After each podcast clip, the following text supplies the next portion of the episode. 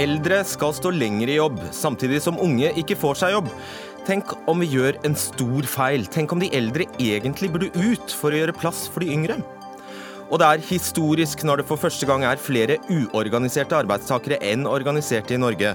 Og under halvparten av dem som er organisert, er det i LO. Og det er definitivt historisk at et land som arrangerer OL, er vertskap for et land det er i krig med. Men det kommer til å skje i Pyeongchang i Sør-Korea om en måned. Som 16-åring ble jeg skjenket sprit og forsøkt sjekket opp av voksne menn på politiske møter. Tidligere AUF-er forteller om et parti med festing, alkohol og seksuelle tilnærmelser.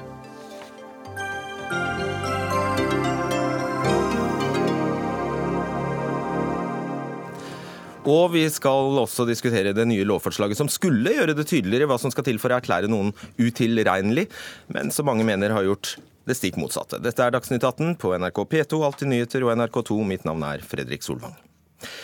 Vi blir jo fortalt at vi må jobbe mer og smartere. Om noen år må faktisk hver og en av oss jobbe 218 timer mer i året, eller 15% mer enn i dag. Alternativet er at velferden svekkes eller skattene økes mye. Men da er det altså om å gjøre å få de gamle til å stå lenger i jobb. Samtidig våkner vi opp til nyheter som denne i morges. Det er ikke nok jobber for unge, mener LOs sjeføkonom. Eh, vi må rett og slett skape flere jobber totalt sett. Det mangler altså jobber, samtidig som de som allerede har jobber, skal stå lenger i dem. Hvordan kan det være fornuftig? Hvorfor skal eldre arbeidstakere stå og ta opp de jobbene når 23 000 færre unge mennesker er i jobb i dag enn i 2013? Kristin Skogen Lund, administrerende direktør i NHO. I din eh, tale til årskonferansen vektla du at eh, Norge må ha jobbvekst for å kunne opprettholde velferden. Og du startet med et eksempel fra en bedrift som lå vegg i vegg med et jobbtreningssenter på Vestlandet, der du hadde vært på besøk. Og denne bedriften hadde ansatt 60 unge ufaglærte fra Litauen. Hva mener du den historien? Hvorfor trakk du fram den historien? Nei, Jeg trakk fram den historien for jeg syns den viser ganske godt uh, disse ubalansene med at det som er bra for samfunnet, ikke alltid er kortsiktig da, uh, trygt og lønnsomt for bedriftene. For det er klart For samfunnet så er det jo best at vi har full sysselsetting og at vi klarer å inkludere alle. Men bedriftene har jo hele tiden et lønnsomhetskrav på seg. Så vi må jo bare være ærlige på at det både har en kostnad og det har en risiko å ta sjansen på noen som av ulike årsaker har falt utenfor arbeidslivet eller ikke har den rette kompetansen. Men det er disse tingene vi må prøve å snakke om og bøte på, sånn at vi får dette bedre i balanse og får disse tingene til å, hva skal jeg si, politikk og markedskrefter til å jobbe i samme retning. Da. Men Kristin Skogenlund, det er jo bare én grunn til at denne bedriften finner det mer lønnsomt å ansette ufaglærte litauere enn norsk ungdom, og det er at de koster mindre. Og I stedet for å adressere det, så snakker du om lærlingordninger, lønnstilskudd, ringer i vannet-prosjekter osv. Hvorfor sier du det ikke som det er, at norsk ungdom er for dyr, når vi har eh, et felles europeisk arbeidsmarked? Ja, men Det er ikke riktig. for her har de, I den bedriften så har de tarifflønn. så de går faktisk på den samme, Disse fra Litauen går på samme lønn som norsk ungdom ville gjort. Men de fra Litauen er mer produktive. Det er årsaken til at det lønner seg for bedriften. Hva betyr det? Nei, Det betyr at man får mer ut av arbeidsinnsats per arbeidede time. Og min påstand er at hadde eh, den ungdommen da fått en anledning til å komme inn og begynne å lære og mestre og utvikle seg i arbeidslivet, så ville de etter hvert også opparbeidet den produktiviteten. For vi har et veldig lærende arbeidsliv. Man får ansvar og man lærer mye på jobb i Norge. Men det er en sånn initiell periode der hvor det har både en høyere kostnad og risiko for bedriften.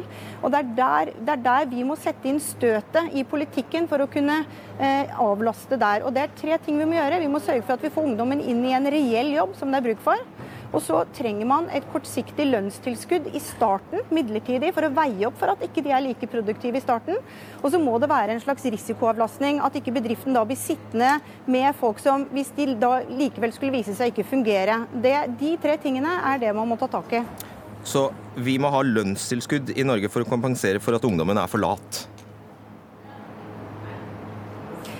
Nei, jeg har ikke lyst til å bruke sånne ord i det hele tatt. Men jeg har lyst til å si at vi har et høyproduktiv Ja, du gjorde det, men jeg ville ikke brukt sånne ord. fordi det handler ikke nødvendigvis om å være lat eller noen ting. Det handler om at vi har et krevende arbeidsliv, og er, folk er veldig forskjellige. Og det er ikke alle som står klar til å ta del i det arbeidslivet. Eh, vi hører faktisk om mange som har suksess senere i livet, som har hatt en trøblete skoletid. Det behøver ikke å bety at man verken er lat eller at det er noe gærent med det, men vi får ikke alltid alle rett ut i et arbeidsliv. Og der må vi være mye flinkere til å ta tak i ungdommen, eh, få dem inn i ekte jobber.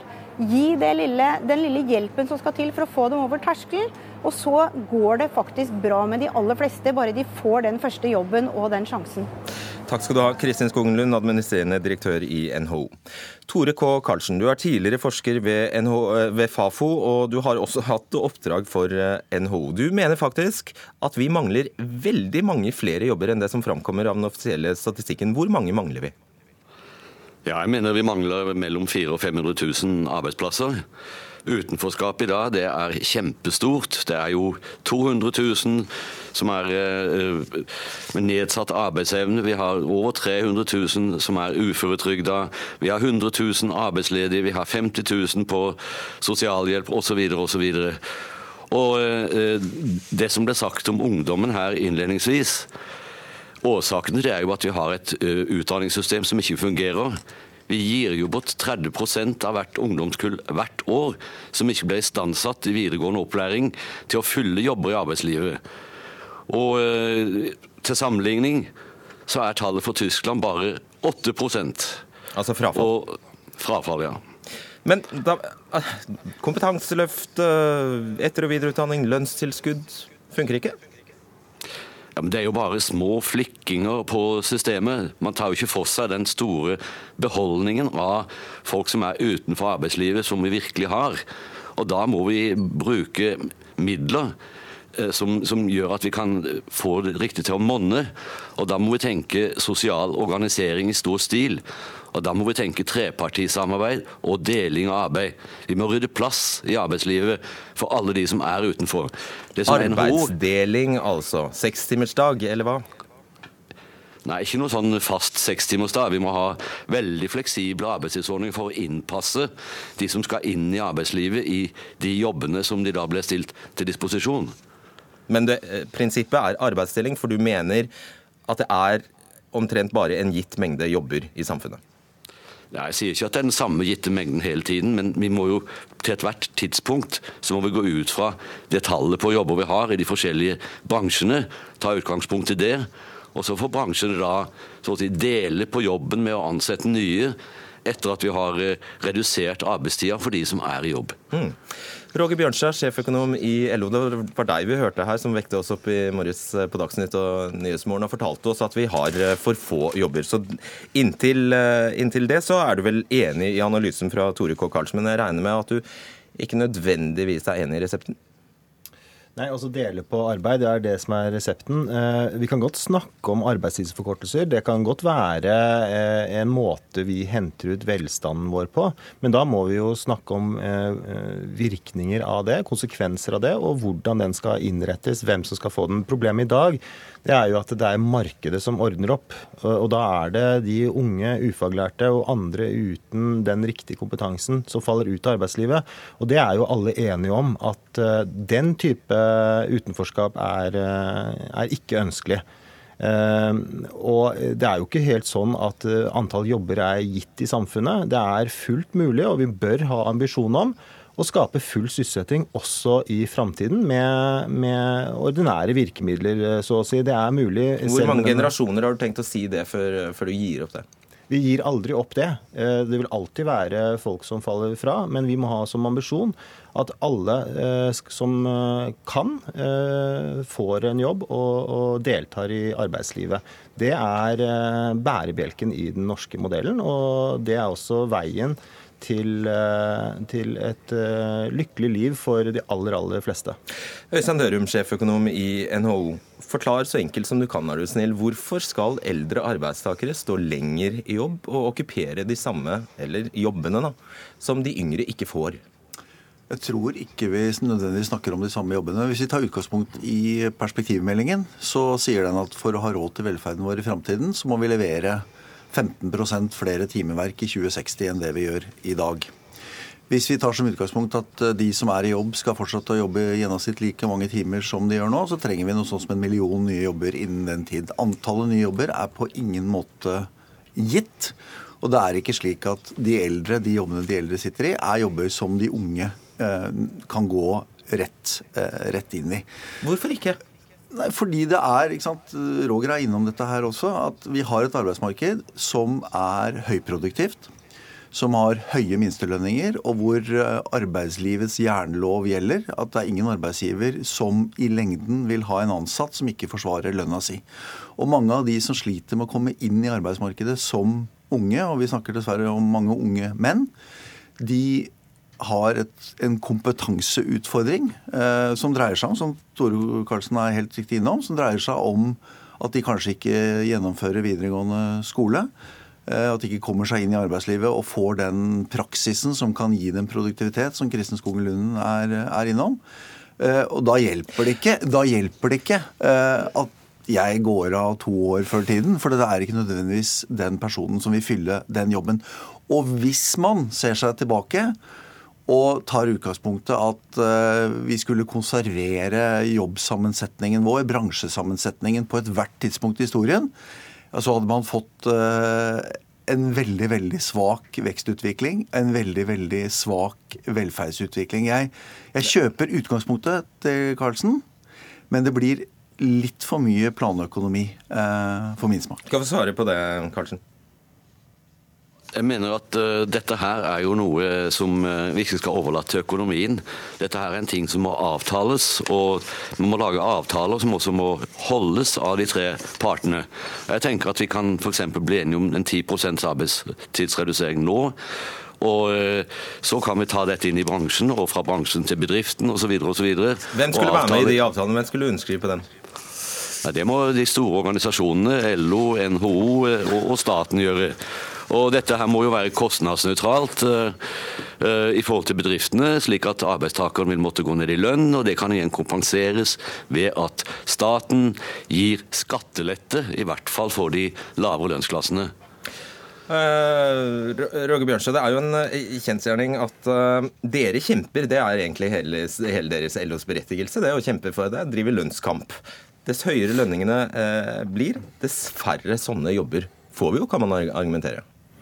Ja, det er en eh, bakside av uh, suksessen til uh, det norske trepartssamarbeidet. At vi har fått et veldig høyproduktivt arbeidsliv nettopp fordi Eh, vi har tatt ansvar, og fordi vi har små lønnsforskjeller. Men da får du ikke. Da klarer du aldri å oppnå alle i jobb og samtidig økt velstand. Jo, men det er jo derfor at vi i samme, med samme tyngde som vi eh, kjemper for eh, små lønnsforskjeller og, eh, og, og, en del av verdiskapingen, så kjemper vi også for Eh, kompetanseløft, eh, sånn at alle kan delta i det høyproduktive arbeidslivet vi har skapt.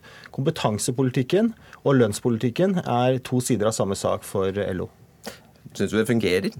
Ja, hvis du ser på historien, så har det fungert. Vi er både uh, verdens mest produktive land og en av verdens høyest utdannede og mest kompetente arbeidstakere. Hvis tallet er 400 000, Øystein Dørum, som Tore O. Karlsen sier, altså når du inkluderer dem med nedsatt arbeidsevne, yngre, uh, uføre, innvandrere på integreringstilskudd, ungdom på sosialhjelp, eldre som blir skviset ut, så kommer han altså til at tallet er 400 000. Mm. Da er det et godt stykke å si at dette fungerer. Jeg spørsmålsstiller ikke det tallet. Jeg ville tenkt at tallet var i den størrelsesorden. Og det illustrerer jo eh, altså En del av disse tror jeg man kan godt tenke at de vil det ikke være plass til i et normalt fungerende arbeidsmarked. Men mange av disse har betydelig restarbeidsevne, og jeg tror svært mange av oss er enige om at nei, det fungerer jo ikke godt nok. Det er Arbeid gir inntekt. Arbeid bidrar til inkludering. Arbeid bidrar til høyere verdiskaping, høyere skatteinntekter, lavere trygdeutgifter. Og da er det galt at nesten én av fem i arbeidsfør alder står på trygd og ikke er i jobb. Hvorfor vil ikke, eh, Utover det du sa at det lukter av planøkonomi, hvorfor vil ikke planen til Karlsen eh, fungere? Nei, er, jeg tenker at det er jo i utgangspunktet jeg, jeg, aner ikke hvordan man skulle designe dette her, men i utgangspunktet så er det jo en, en konserverende tankegang. At du har en gitt mengde jobber, og så skal du fordele disse jobbene på et gitt antall hoder i økonomien. Og så stenger du på en måte døren for all den dynamikken som skaper økonomisk vekst. Hvis du ser på velstandsveksten i Norge siden 1970, så kommer nesten all velstandsvekst fra omstillinger, altså fra produktivitetsvekst. Fra at vi har erstattet mennesker med maskiner, flyttet mennesker fra lavproduktive til høyproduktive næringer. Og den ideen om at vi skal låse oss fast i en bestemt næringsstruktur, ja, den tror jeg er drepen for omstillinger og økonomisk vekst. Og jeg tror jeg kan si, nå varsom med å uttale meg på vegne av alle våre medlemmer, men jeg tviler på at man vil få den delen av trepartssamarbeidet til å signere på en, en sånn type avtale. Eh, vil LO være med på det?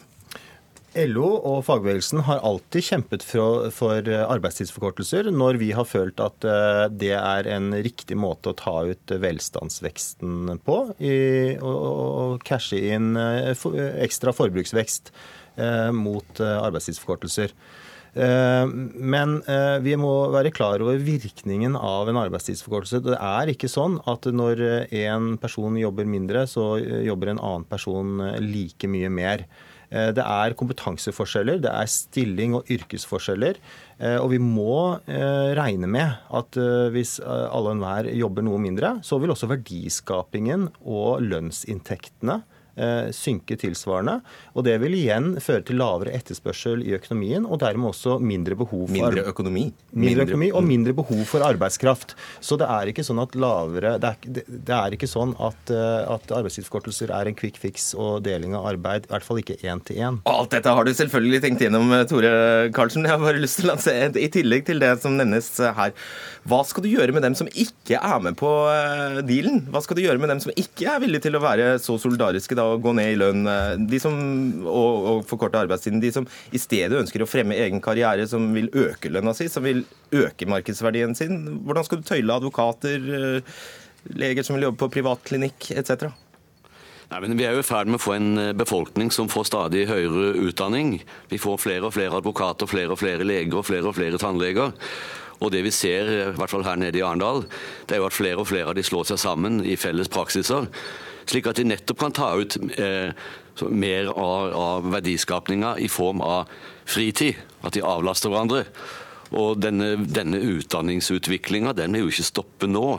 Så vi vil jo få flere og flere med høy utdanning som vi kanskje vil få se organisere seg på lignende måter i fremtida. Ok, men da, Med dette systemet så vil jo også det føre til stillstand i lønnsutviklingen, som uh, Bjørnstad påpeker. Og da vil jo, da vil jo de sektorene med tariffavtale, de vil jo folk bare sky. Altså, vil, vil jo, ingen vil gidde å organisere seg hvis man har lønnsambisjoner, f.eks. Nei, men på den annen side så vil jo da disse, disse høye utdanningsgruppene det vil jo være grenser for hva de vil kunne trekke inn fra markedet gjennom sine forskjellige praksiser. Slik at eh, de, vil jo få en eh, Etter hvert som det blir flere og flere av de, så vil de jo få en, la oss si, en, en stagnasjon i inntektsutviklinga de også. Ok, Dørum? Ja, jeg tenker at eh, det er jo vi bor i et samfunn hvor det er frivillig hvor mye man ønsker å jobbe. Sånn at hvis noen advokater ønsker å gå sammen i et fellesskap og jobbe halv dag og er fornøyd med den inntekten det utkommet det gir, så står det disse advokatene fritt. Eh, det kan alle og enhver eh, gjøre. Det er noen som velger å være hjemmeværende og ikke ha inntekt i, det hele tatt. Eh, perspektivmelding sier at vi må jobbe mer, eh, og fortrinnsvis ved at de som jobber deltid, jobber heltid. Ved at de som står utenfor, kommer innenfor. Ved at de som er innenfor, står lenger i, i jobb. Men vi kan jo som samfunn, eller, eller, som enkeltindivider, så kan vi si at nei, vi, vi, er fornøyde der vi er. Vi skal ikke ha noe særlig mer økonomisk vekst. Vi ønsker heller å ta ut, som Roger er innom, ta ut velstandsveksten i fritid og ikke, ikke Men det må være et individuelt valg? det er det som er poenget? Jeg ser ikke hvordan du kan løse dette organisatorisk. Og jeg ser ikke hvordan du kan få folk med deg på å løse det organisatorisk. Bjørnstad, du skal få kommentere det, men i Tyskland så har altså verdens største fagforening, faktisk IG Metall, eh, sagt at, eh, eller krevd 28 timers arbeidsuke, eller mulighet for det. Ja, altså, For å gjøre det klart, Arbeidstidsforkortelser har mye positivt for seg på mange måter. og I mitt tidligere liv som forsker så har jeg vært en av de få i Norge som har analysert eh, konsekvensene av en arbeidstidsforkortelse. Det ene funnet vi gjorde, det var at en arbeidstidsforkortelse på 10% kun førte til en arbeidsnedgang på 5% Og Det er nettopp fordi at en del velger å da jobbe overtid eller opprettholde arbeidstiden sin, de som har frie yrker til det. Eh, en del av de som er på deltid, vil faktisk velge å gå over på heltid. Det kan ha positive konsekvenser på sykefraværet, og det har positive konsekvenser for produktiviteten. Og det er et ett element av deling av arbeid der også. Men eh, det er allikevel sånn at vi må betale for det i form av noe lavere verdiskaping og lavere eh, etterspørsel i økonomien. Så, men vi må bare Arbeidstidsforkortelser, det er én ting. Men å løse det løse utfordringen med digitalisering Eh, og mangel på arbeidsplasser med det, det har jeg ikke så mye tro på. Vi må adressere den utfordringen i seg selv. Og så må vi også huske på at vi eh, går inn i en eldrebølge hvor eh, statens utgifter må matche statens inntekter. Så vi må huske på også at de som da eventuelt pensjonerer seg tidligere for å bidra til at andre skal komme i jobb, de må jo da få sin finansiering gjennom høyere pensjoner. Og det er også vanskelig hvis skatteinntektene faller. Jeg har lyst at vi møtes her igjen om 20 eh, år og ser hvordan det har gått. Takk skal, takk skal dere ha, Øystein Dørum, Tore Karlsen. Ja, ja. ja. Eh, Roger og Roger Bjørnstad. Takk.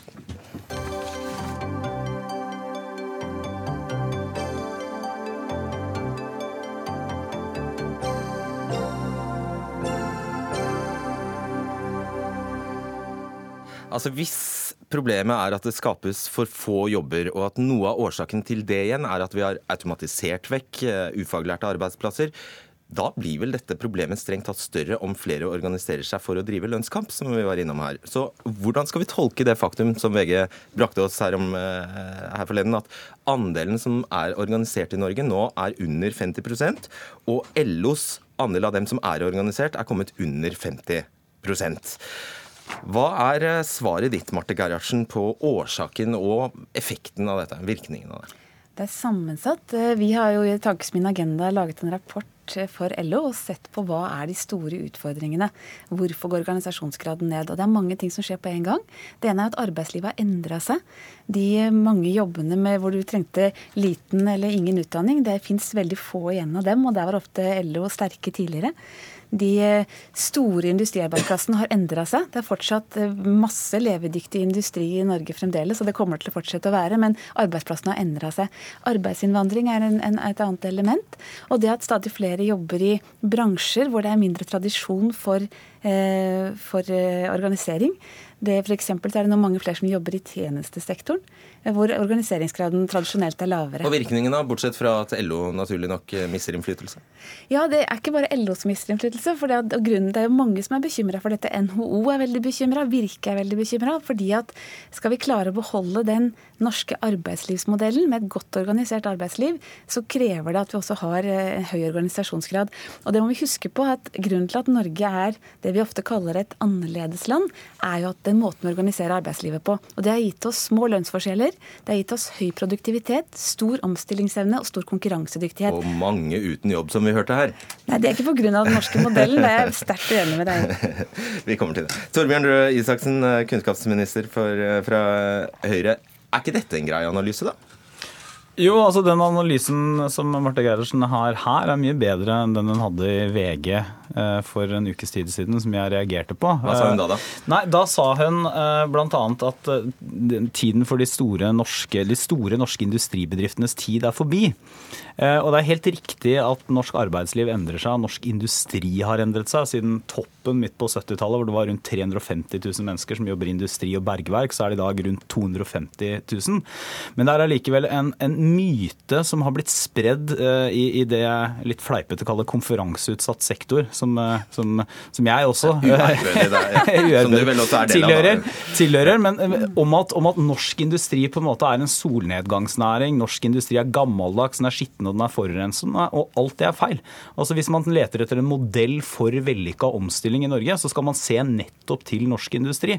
Eh, og da er jeg enig med Marte Gerhardsen i én ting, og det er at en av grunnene til at man har hatt god omstilling i norsk industri, ved siden av da gode eiere og investeringer i utstyr og modernisering av teknologi, det er at man også har hatt organiserte parter. For at du ikke altså for å bare rense opp Jeg skal sitere deg, så det ikke blir eh, feil. Der hvor LO tradisjonelt har stått sterkt, i industrien forsvinner arbeidsplassene, både som følge av at de store industribedriftenes tid er over, sa du, og fordi vi har opplevd en vekst i innleie av utenlands arbeidskraft.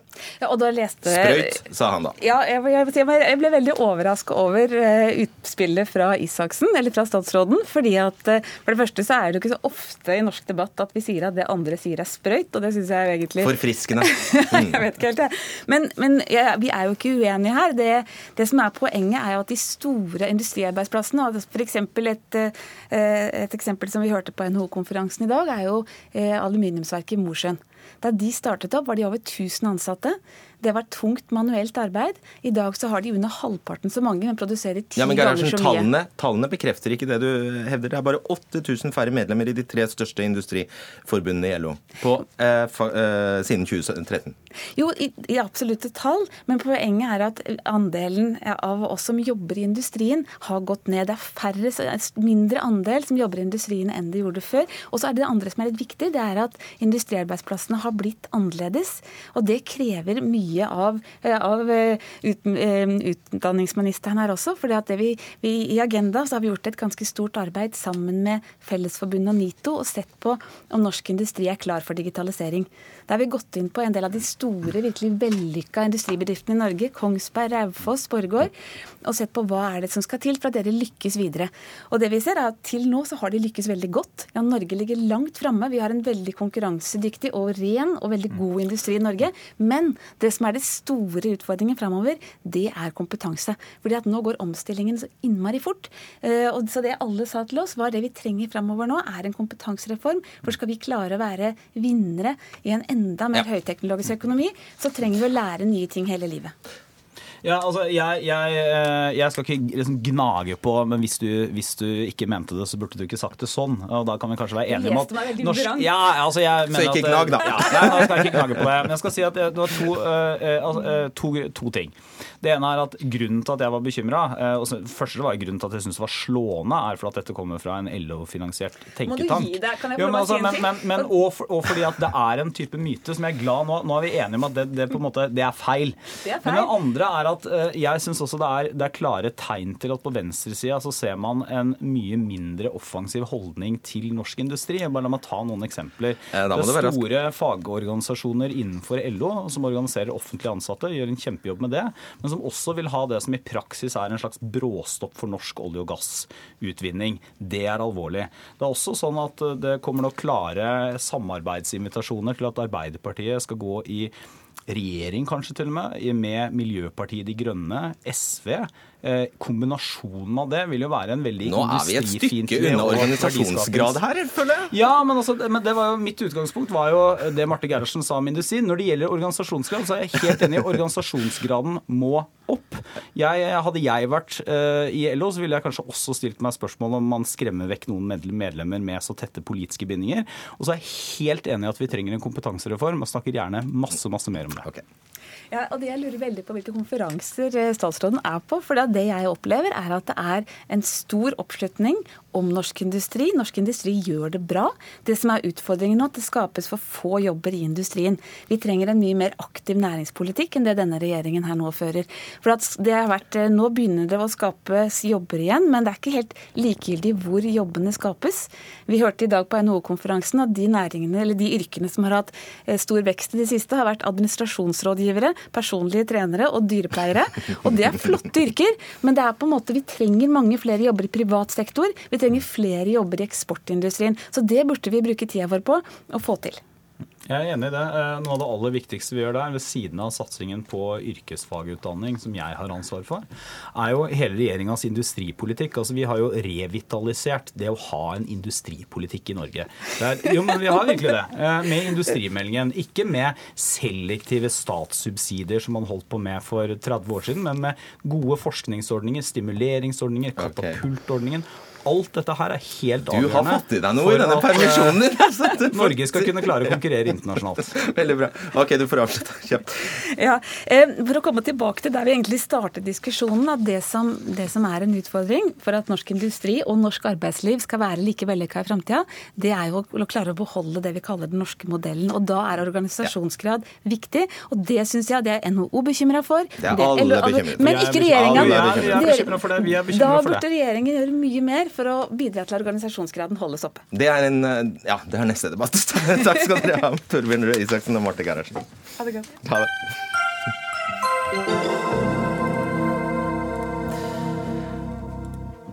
Vi skal stille spørsmål om det finnes en ukultur i eh, AUF, men eh, først til deg, Anniken Huitfeldt. Det blir ditt lodd å kommentere den menings... Nei, den, eh, det partibarometeret som NRK publiserte nå i eh, ettermiddag for januar, der Arbeiderpartiet altså går kraftig ned, får en oppslutning på bare 20,1% en nedgang på 5,7 prosentpoeng fra eh, desember, og en nedgang på 7,3 prosentpoeng fra valgresultatet i fjor høst.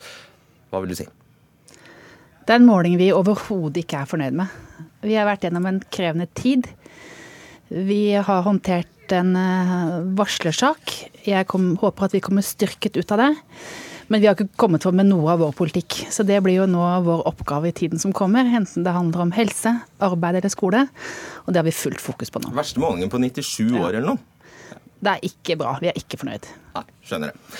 Ok, Så til det vi skulle snakke om. Uh, en ukultur med festing, alkohol og seksuelle tilnærmelser overfor unge AUF-ere. Slik lyder en av beskrivelsene fra en tidligere ungdomspolitiker som har eh, meldt fra om det hun opplevde som upassende oppførsel fra flere Ap-politikere i ledende posisjoner. Har det vært en ukultur i Arbeiderpartiet og AUF som har banet vei for de sakene vi har eh, fått? Anniken Huitfeldt. Altså, med nåtidas øyne så vil jeg si at den gangen jeg ble med i AF, så var det det. Men det var ikke noe verre enn resten av, samfunnet. Men det at eh, jeg var på fester da det var eh, alkohol, og det var unge og eldre sammen, det mener jeg ikke var bra. Jeg bidro til å rydde opp i en del av dette. Og at ledere må sette grenser sjøl. Det er ikke slik at eh, 17-åringer skal sette grenser overfor en leder som sjanser på henne.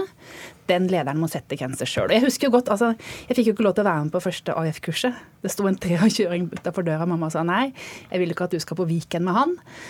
Så det var klart at foreldre hadde kanskje grunn til å De hadde bange anelser. ja, for det var eh, For det første så var det lov med alkohol i AUF da jeg var med. Altså Det var en paragraf som var sovende. Så blei det stramma til. Og så stramma vi til veldig på det som var lederansvar. Så med nåtidens øyne, ja. Men, Men da du var leder, da, hvordan var det da? Da innførte jeg ganske klare regler. På at det var ikke lov til å tafse nedover. Og det betyr at jeg veit jo ikke om alle fulgte de reglene. Jeg veit jo ikke om alle gjorde det som jeg sa. Men ikke sant? hvis du er leder, kanskje 23 år, så har du, ganske, har du ganske stor autoritet, og du blir respektert av en helt ny AUF-ere. Og da sa jeg at det, hvis hun da vil ha oppmerksomhet fra deg, så må du sette grenser sjøl. Og selv om hun blir forelska i deg, så kan ikke du gjøre som du vil med det. Hvis det blir kjærester, er helt OK, men du må sette grenser. For veldig mange ungdomsledere blir sett opp til, og de må sette grensene sjøl. Det er et spørsmål, Hilde Charlotte Solheim, tidligere leder i Virke og nå styreleder eh, der. Du har skrevet et blogginnlegg der du beskriver din tid i AUF. Men det er et spørsmål som jeg tror nesten alle i landet har stilt seg. Er det tilfeldig at eh, de sakene her har dukket opp i Arbeiderpartiet og i AUF? Hva er ditt svar på det? Det tror jeg egentlig det er. Jeg tror at dette er et resultat av at vi har dratt med oss gamle tiders ukultur. Fra samfunnet? Jeg har ikke tatt noe oppgjør med AUF. Jeg har tatt et oppgjør med voksne mennesker, partipolitisk aktive, i Arbeiderpartiet og LO, som syns det er stas med unge jenter, og som tafser på unge jenter. Jeg opplevde å komme inn som AUF-er, og at vi forholdt oss til alkoholforbudet vi hadde på våre møter og arrangementer. Men så var mitt politiske engasjement en inngangsdør, en inngangsbillett inn i en voksenverden for å få drive med ordentlig politikk. Og der ble vi introdu introdusert og inkludert på linje med de voksne menneskene. Og når jeg da fikk jeg lagde en liten historie hvor jeg fortalte at jeg fikk drinken Fjellbekk på Lillehammer hotell. En gammeldags drink med akevitt. Jeg fikk ikke så mange at jeg ikke kunne ta vare på meg selv, men det er flaks. Og så Flaks, var det Ja, det er flaks. Fordi at man da ikke passa på at unge mennesker ikke drakk. Og det er ikke de unge menneskene som skal passe på at de ikke drikker. Jeg syns dette var er det spennende. Ja. Og så kommer det en godt voksen mann og syns at dette er en kjekk ung jente. Han har sikkert ikke sjekka akkurat hvor gammel han er, og så har han glemt at han antageligvis er gift, og så får du en situasjon som kunne gått ordentlig, ordentlig galt. Det jeg skriver er at det gikk ikke galt for meg. Jeg er ikke en av varslerne i Arbeiderpartiet, og dette er noen år siden. Men det jeg sier er at når vi introduserer unge mennesker for en arena med både alkohol og sjekking, så har vi et stort kulturproblem når de for det første det drikkes. Og vi har en varslersak hvor en 17 år gammel person har varsla og slutta med politikk etter å ha opplevd noe ubehagelig på akkurat en sånn type fest, hvor du blander voksne etablerte politikere og veldig unge mennesker. Så du sier altså det var flaks, at, eh, flaks som gjorde at din periode i politikken ble, ble positiv. Men hva er det som gjør at en 60 år gammel eh, ja, nei, eller en langt eldre mann da tror- 30, ja, 40, 50 Uansett, altså tror det er OK å sjekke opp en 16-åring? Det er fordi at vi ikke snakker nok om det. Hadde denne saken kommet til retten som en trakasseringssak, så ville en mann som hadde klemt seg på en sånn jente, blitt domfelt. I min historie så stoppa saken ved at jeg sa at dette var ikke OK for meg. Men det de, den debatten vi har hatt de siste ukene viser, er at det er mange som er litt uklare på dette. Blant annet så blir jenter som syns det er spennende å være med på fest, og som syns det er spennende med menn som er litt eldre, menn som har makt, de får et likeverdig ansvar. Og det sier jeg at det ansvaret kan ikke vi gi unge jenter. Det er forbudt i henhold til norsk lov å skjenke mennesker som er under 18 med lettere alkoholdrinker, og, og 20 med tyngre alkoholdrinker. Og da er det den voksne som har og må ta ansvaret, og det oppgjøret med arbeiderbevegelsen og alle andre, som blander voksne og unge mennesker sammen. Det må de ta, fordi at Vi kan ikke sitte i det politiske liv og si at reglene som gjelder for arbeidslivet, hvor det er nulltoleranse f.eks. For, for seksuell trakassering, ikke skal gjelde i politikken. Og du sier Wittfeldt, til VG at det du trodde var hersketeknikker, viser seg å være seksuell eh, trakassering. Hva betyr det? Jo, at jeg opplevde kanskje på politiske arenaer at eh, jeg så at nå er det beinharde hersketeknikker som jeg må stå opp mot. Og i dag så hadde jeg jo reagert på det på en helt annen måte. Nå sier jeg jo til kvinner at dere må si fra. Dette er trak trakassering. Men jeg opplevde jo at jeg ble jo fortalt at skal du komme deg fram med Arbeiderpartiet, så må du danse med menn på fylkespartienes årsmøter. Da var jeg i slutten av 20-åra, og da sa jeg vet du hva, dette gidder jeg ikke å være med på. Og jeg tok det oppgjøret. Og veldig mange var sinte på meg for det. Og det var debatter her i studio hvor det ble sagt at jeg ikke forsto partikulturen i Arbeiderpartiet. Men jeg vil nesten si det til deg, Hilde, at hvis det var en seks år gammel mann så er det på en måte en gammel gris. Det er nesten lettere å avvise en sånn en, som kommer fra et eller annet kommuneparti. Men det er mye verre hvis det er en leder som du ser opp til, eller en ungdom som du ser opp til. Så det er de viktigste grensene vi må sette. Ja, men da er syns jeg at du skal ta med deg det tilbake til kvinnebevegelsen. For den største katastrofen som har skjedd de siste ukene, det er koblingen mellom maktkamp og varsling. Og det, det har du stått midt oppi, Anniken. Det er livsfarlig fordi at noen må bli litt grann eldre enn 23 år, enn 17 år, før de, før de tør å si fra. Altså, det er nulltoleranse for å noen gang mistenkeliggjøre en varsler. Og der har Arbeiderpartiet bæsja på leggen nå. Altså, det er veldig, veldig alvorlig. Ja. Jeg har ikke sagt det, da, Hilde. Nei, men poenget er at det er men blitt skapt nei, en uklarhet. Vet du hva jeg har sagt? Det er ofte at vi har sett i vår organisasjon at seksuell trakassering kommer opp når det blir snakk om fordeling av maktposisjoner. Det mener jeg er helt legitimt. For når et menneske skal velges, så må vi vite om hele det mennesket. Og da er det viktig at disse sakene varsles inn. Og det har skjedd i Arbeiderpartiet. Det er flere som har varsla. Og varslerne sier også at det er trygt å varsle i Arbeiderpartiet. Men du og vet også det- Anniken Huitfeldt, at veldig mange mener at det var faktisk du som fikk denne snøballen til å skikkelig rulle, da du angivelig skal ha sagt det må være lov å gå på en smell. Jo, men det var jo ikke det jeg sa. Jeg sa det at i de sakene som vi håndterer om seksuell trakassering, så handler det ofte om ord som faller feil. Da går vi inn og retter opp det. Og veldig mange ganger så er det slik at varslerne de ønsker i den type saker at man skal gå videre. Så du kan ikke ta det jeg har sagt og aldri har sagt og si at dette har jeg sagt. For jeg har vært på et møte i Arbeiderpartiet, og noen har anonymt sagt ting om det møtet, men det er ingen som har stått fram og sagt at jeg faktisk har sagt det. Og jeg har hatt, altså, jeg har hatt, jeg har hatt manus på det møtet. Så du, altså, jeg tror det er viktig. Det tror jeg på. Og vi snakker her om ord. Vi snakker om ord. Jeg har også blitt snakka ned på en talerstol og på en debattarena. Men det som er skjedd, det er at varslerinstituttet, i likhet med i bedrifter og i offentlig sektor, ikke lenger har full tillit, fordi at det er uklart om dette er en trygg vei å sende en sak. Og Det er et reparasjonsarbeid. Og så har du sikkert fått veldig god hjelp i anførselstegn med å skape den usikkerheten, men den tror jeg man må rydde opp i veldig fart, fort hvis man skal komme seg gjennom dette. For i framtida så må vi jo rydde opp i disse sakene fortløpende, og ikke la de ligge der som verkebyller. Ja, det har jo vært flere som har varsla. Og den varsleren som har stått fram offentlig, har sagt at det er trygt å varsle i Arbeiderpartiet. Ja, men har du ryddet opp? Jeg For mener det. Ja, mm. Og jeg mener også at det som er mitt hovedbudskap, er at én ting er at vi skal få folk til å varsle, men at jeg som voksen også ansvar for å si fra når jeg ser ugrei oppførsel.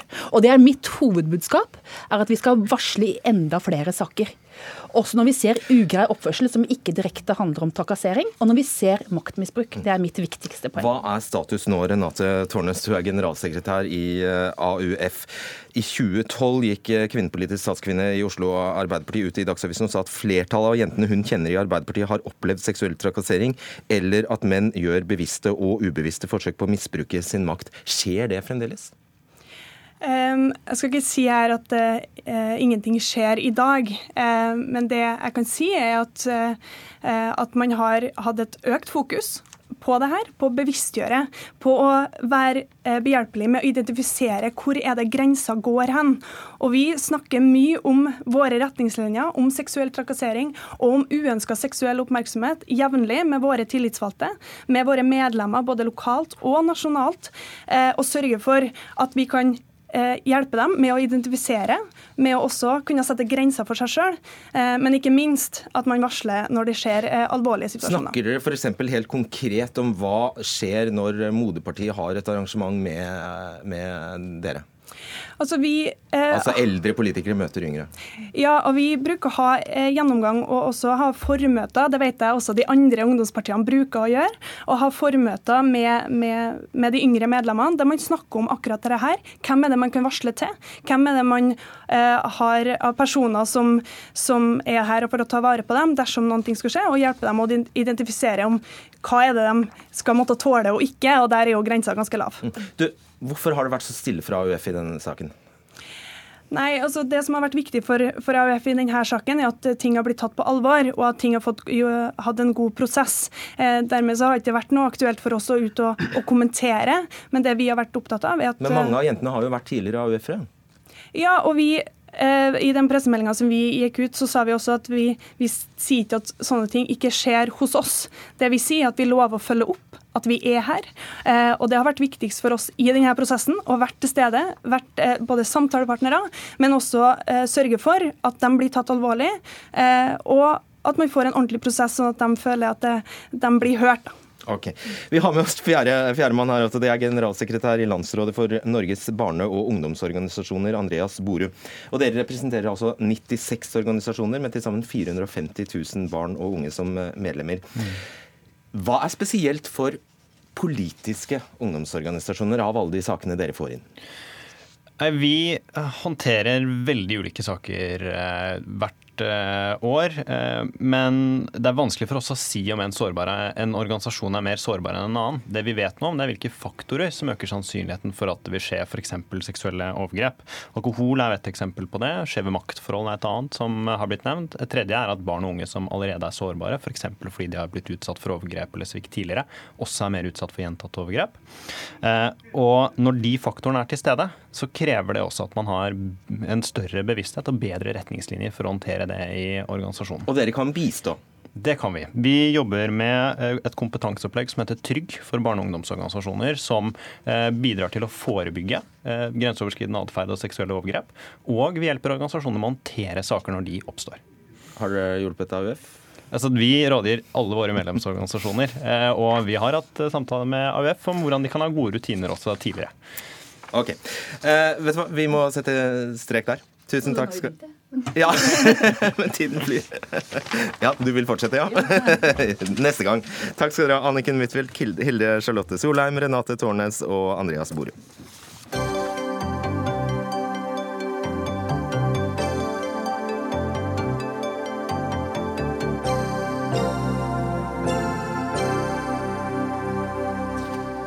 For Nord-Korea skal sende en delegasjon av høytstående tjenestemenn, idrettsutøvere og en heiagjeng til OL i Pyeongchang i Sør-Korea neste måned. Det er klart etter at de historiske samtalene mellom Sør- og Nord-Korea i Panmunjom på grensen mellom de to landene har funnet sted. Det blir første gang i historien at et land som arrangerer OL, er vertskap for et land det er i krig med. Noen timer før sending her ble det også klart at Nord-Korea og Sør-Korea er enige om å holde militære samtaler for å dempe spenningene på halvøya. Kjersti Strømmen, Asia-korrespondent for NRK. Hva er det de har blitt enige om, disse to koreane, i tillegg til OL-deltakelsen? Nei, Det er først og fremst eh, dette med OL, at eh, Nord-Korea skal sende en delegasjon til eh, Pyeongchang. Og det er jo svært viktig for Sør-Korea at Nord-Korea deltar, nemlig fordi at disse, disse, olympiske lekene blir kalt fredslekene. Og så er det som du nevnte, altså da at de skal ha militære samtaler om å dempe spenningen på Korea-halvøya, og at de åpner en militær telefonlinje. Hva, eh, dette betyr altså at amerikanske utøvere kan komme til å konkurrere mot nordkoreanske utøvere, hvilket jo kan bli ganske spektakulært eh, i, i eh, Pyeongchang.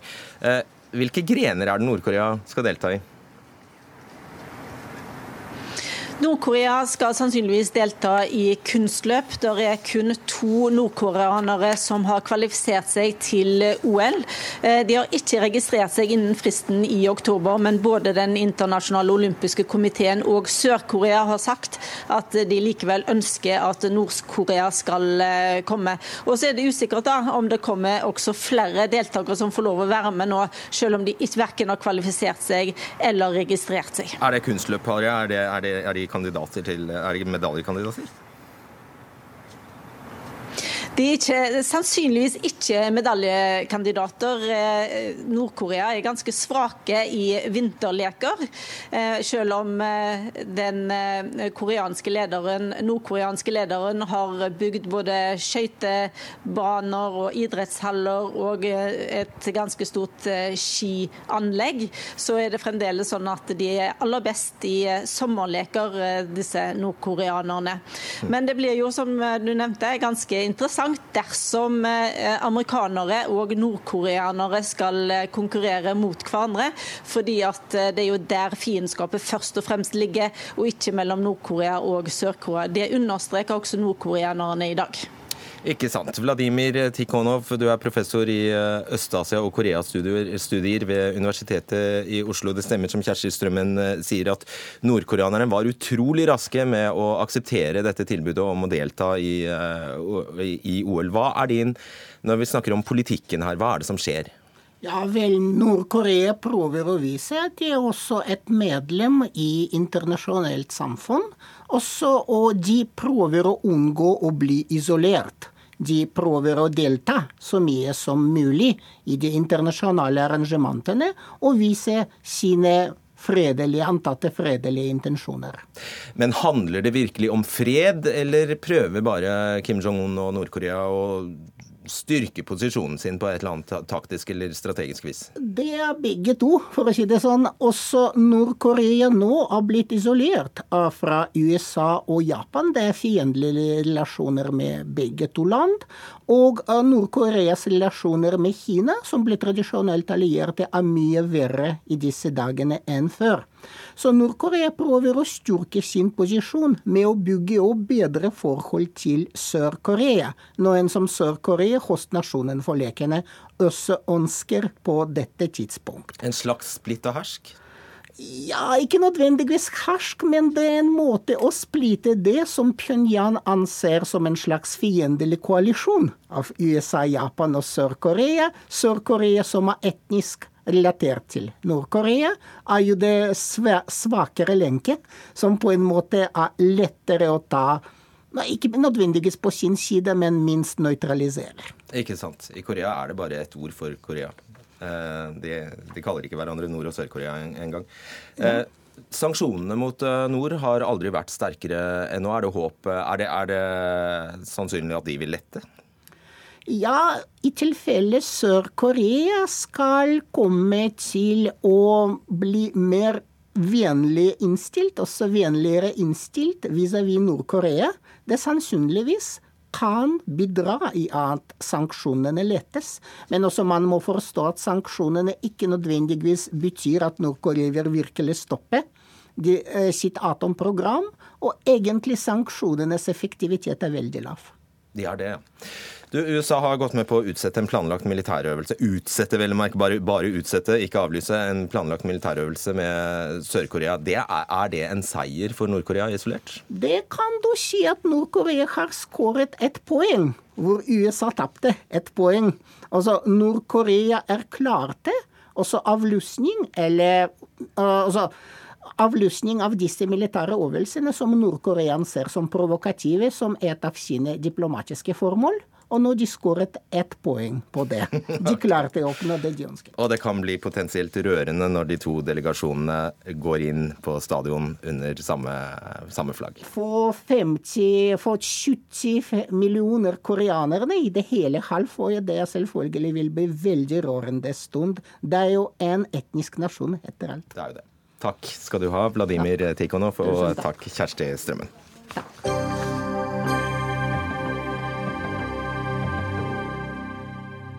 Hva skal til for å bli erklært utilregnelig? Ja, det skal Stortinget ta stilling til etter at regjeringen har sendt et lovforslag om ny regel for utilregnelighet til behandling. Men forslaget møter stor motstand hos en rekke fagpersoner, som i en kronikk i Morgenbladet bl.a. skriver dersom forslagene blir vedtatt som foreslått, vil utilregnelighetsbegrepet være dårligere definert, og dermed åpne for rettsulikhet. Randi Rosenkvist, du er spesialist i psykiatri ved Ila fengsel og Oslo universitetssykehus. Du er en av de ti som står bak denne kronikken. Og for oss legfolk, hvis du er snill og oversetter denne setningen for oss, hva er det den betyr? Det betyr at hvis det er et for diffust begrep i loven for hvem skal være, finnes utilregnelig, så vil det være mer tilfeldig hva slags rettslig avgjørelse man for. Og jeg mener at domstolen må ha klarere kriterier på hva det vil si å være utilregnelig etter norsk lov. Man kan ikke gå bare på følelsen og si at nei, men han kan da umulig være tilregnelig. Man må ha klare kriterier. Vil du ha strammere definisjon? Jeg vil ha en klarere definisjon. En klarere definisjon? Ja. Jeg, Vil du at færre eller flere skal bli definert eller erklært uh, utilregnelige? Jeg har ikke en veldig stor mening om det. Det jeg mener er at det er de samme menneskene skal bli funnet utilregnelige om de blir dømt i domstol A eller domstol B. Og nå er det for vilkårlig? Det legges opp til for stor vilkårlighet? Jeg tror det legges opp til for stor vilkårlighet. Ok.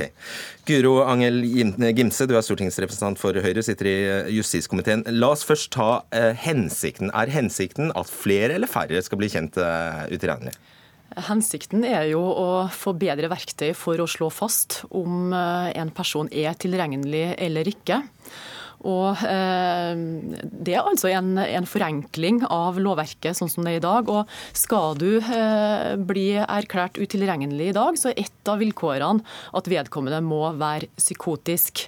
Og Det har vært et eh, problematisk begrep, for det har både en medisinsk og en rettslig side, det her begrepet psykotisk, og har ført til en del mistolkninger som gjør at vi har ønska å endre bl.a. det psykosebegrepet og vilkåret til alvorlig sinnssykdom sinnslidelse som et grunnvilkår. da. Men nå er det jo heldigvis ikke du som lovgiver som skal sitte der i rettssalen og bestemme om han eller hun er, er eh, tilregnelig. Det blir vel nettopp opp til sånne som Rosenkvist å gjøre. Og når hun sier at dette, dette vil få stikk motsatt effekt, hva, da, må du, da, må du, jo lytte til det? Uh, altså, jeg tenker at det ikke vil få uh, den motsatte effekten. For uh, altså, oppi dette her òg, så har vi skal, Eller vi ønsker å gjøre det lettere for retten til å ta stilling til det her.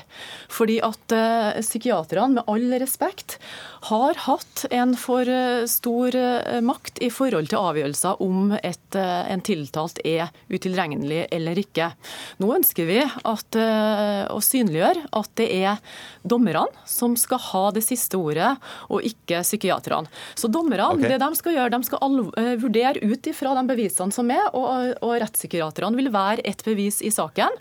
De skal da vurdere om vedkommende er straff, strafferettslig tilregnelig. Eller, Dere får skal... mindre dere skulle ha sagt, Rosenkvist. Jeg, jeg, vet jeg avbrøt deg. jeg, ser ikke helt det. Og jeg vil heller ikke understreke eh, være enig i at psykiaterne har for mye makt. Jeg tenker at hvis en lovbryter er åpenbart psykotisk, så er det jo beroligende at domstolen er enig med de sakkyndige. Hvis vedkommende er åpenbart normal, så er det også rimelig at domstolen blir enig med de sakkyndige. Så det at domstolen ofte er enig med de sakkyndige, det er ikke et bevis på at psykiaterne har for mye makt. Men så har vi gråsonen, der hvor det kan være usikkerhet. Og der syns jeg jo at domstolen i en del tilfeller har abdisert. De har ikke påtatt seg den vanskelige avgjørelsen som de, de ligger i dag også. Og jeg ser intensjonen med lovforslaget, at domstolen skal bli mer eh, fokusert på at det er deres avgjørelse. Men hvis de skal ta den avgjørelsen, så må de få retningslinjer for denne gråsonen.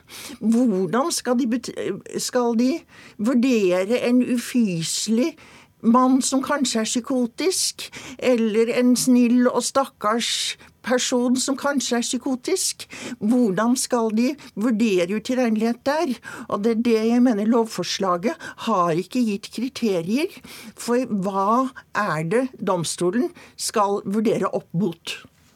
Eh, det som Rosenkvist sier her, er noe som vi på Stortinget vil ta ad nota. Og Er det sånn at vi ser at det er behov for ytterligere kriterier her, så vil vi gå inn på det. Samtidig så vil jo retts... Gå inn på? De krever vel strengt tatt at dere tar tilbake forslaget en, og bearbeider det? Vi må ha en runde. Vi kan jo ikke sitte i Stortinget og finne opp de her kriteriene. Selvfølgelig ikke. Men rettspraksis er jo det som eh, ligger til grunn for eh, måten man opererer på i dag òg. Så veien blir også litt til mens vi går i denne sammenhengen. Har man den tiden? Altså, Den tiden må jo Stortinget ta. Altså, Hvis dette tar tre år til, så tar det tre år til. Men dagens rettspraksis er dokumentert i forarbeider. Og i praksis. Når man introduserer nye begreper, så må man definere disse i forarbeidene, slik at man så også kan få praksis. Man kan ikke begynne med å si at nå må vi få praksis og se hvordan det går. Eh, et annet element her er at eh, hvis flere blir erklært eh, utilregnelige, selv om du ikke vil svare på spørsmålet om det er hensikten, selv, hvis flere blir erklært utilregnelige, så vil det også naturlig nok være et behov for flere behandlingsplasser. Fins de per i dag?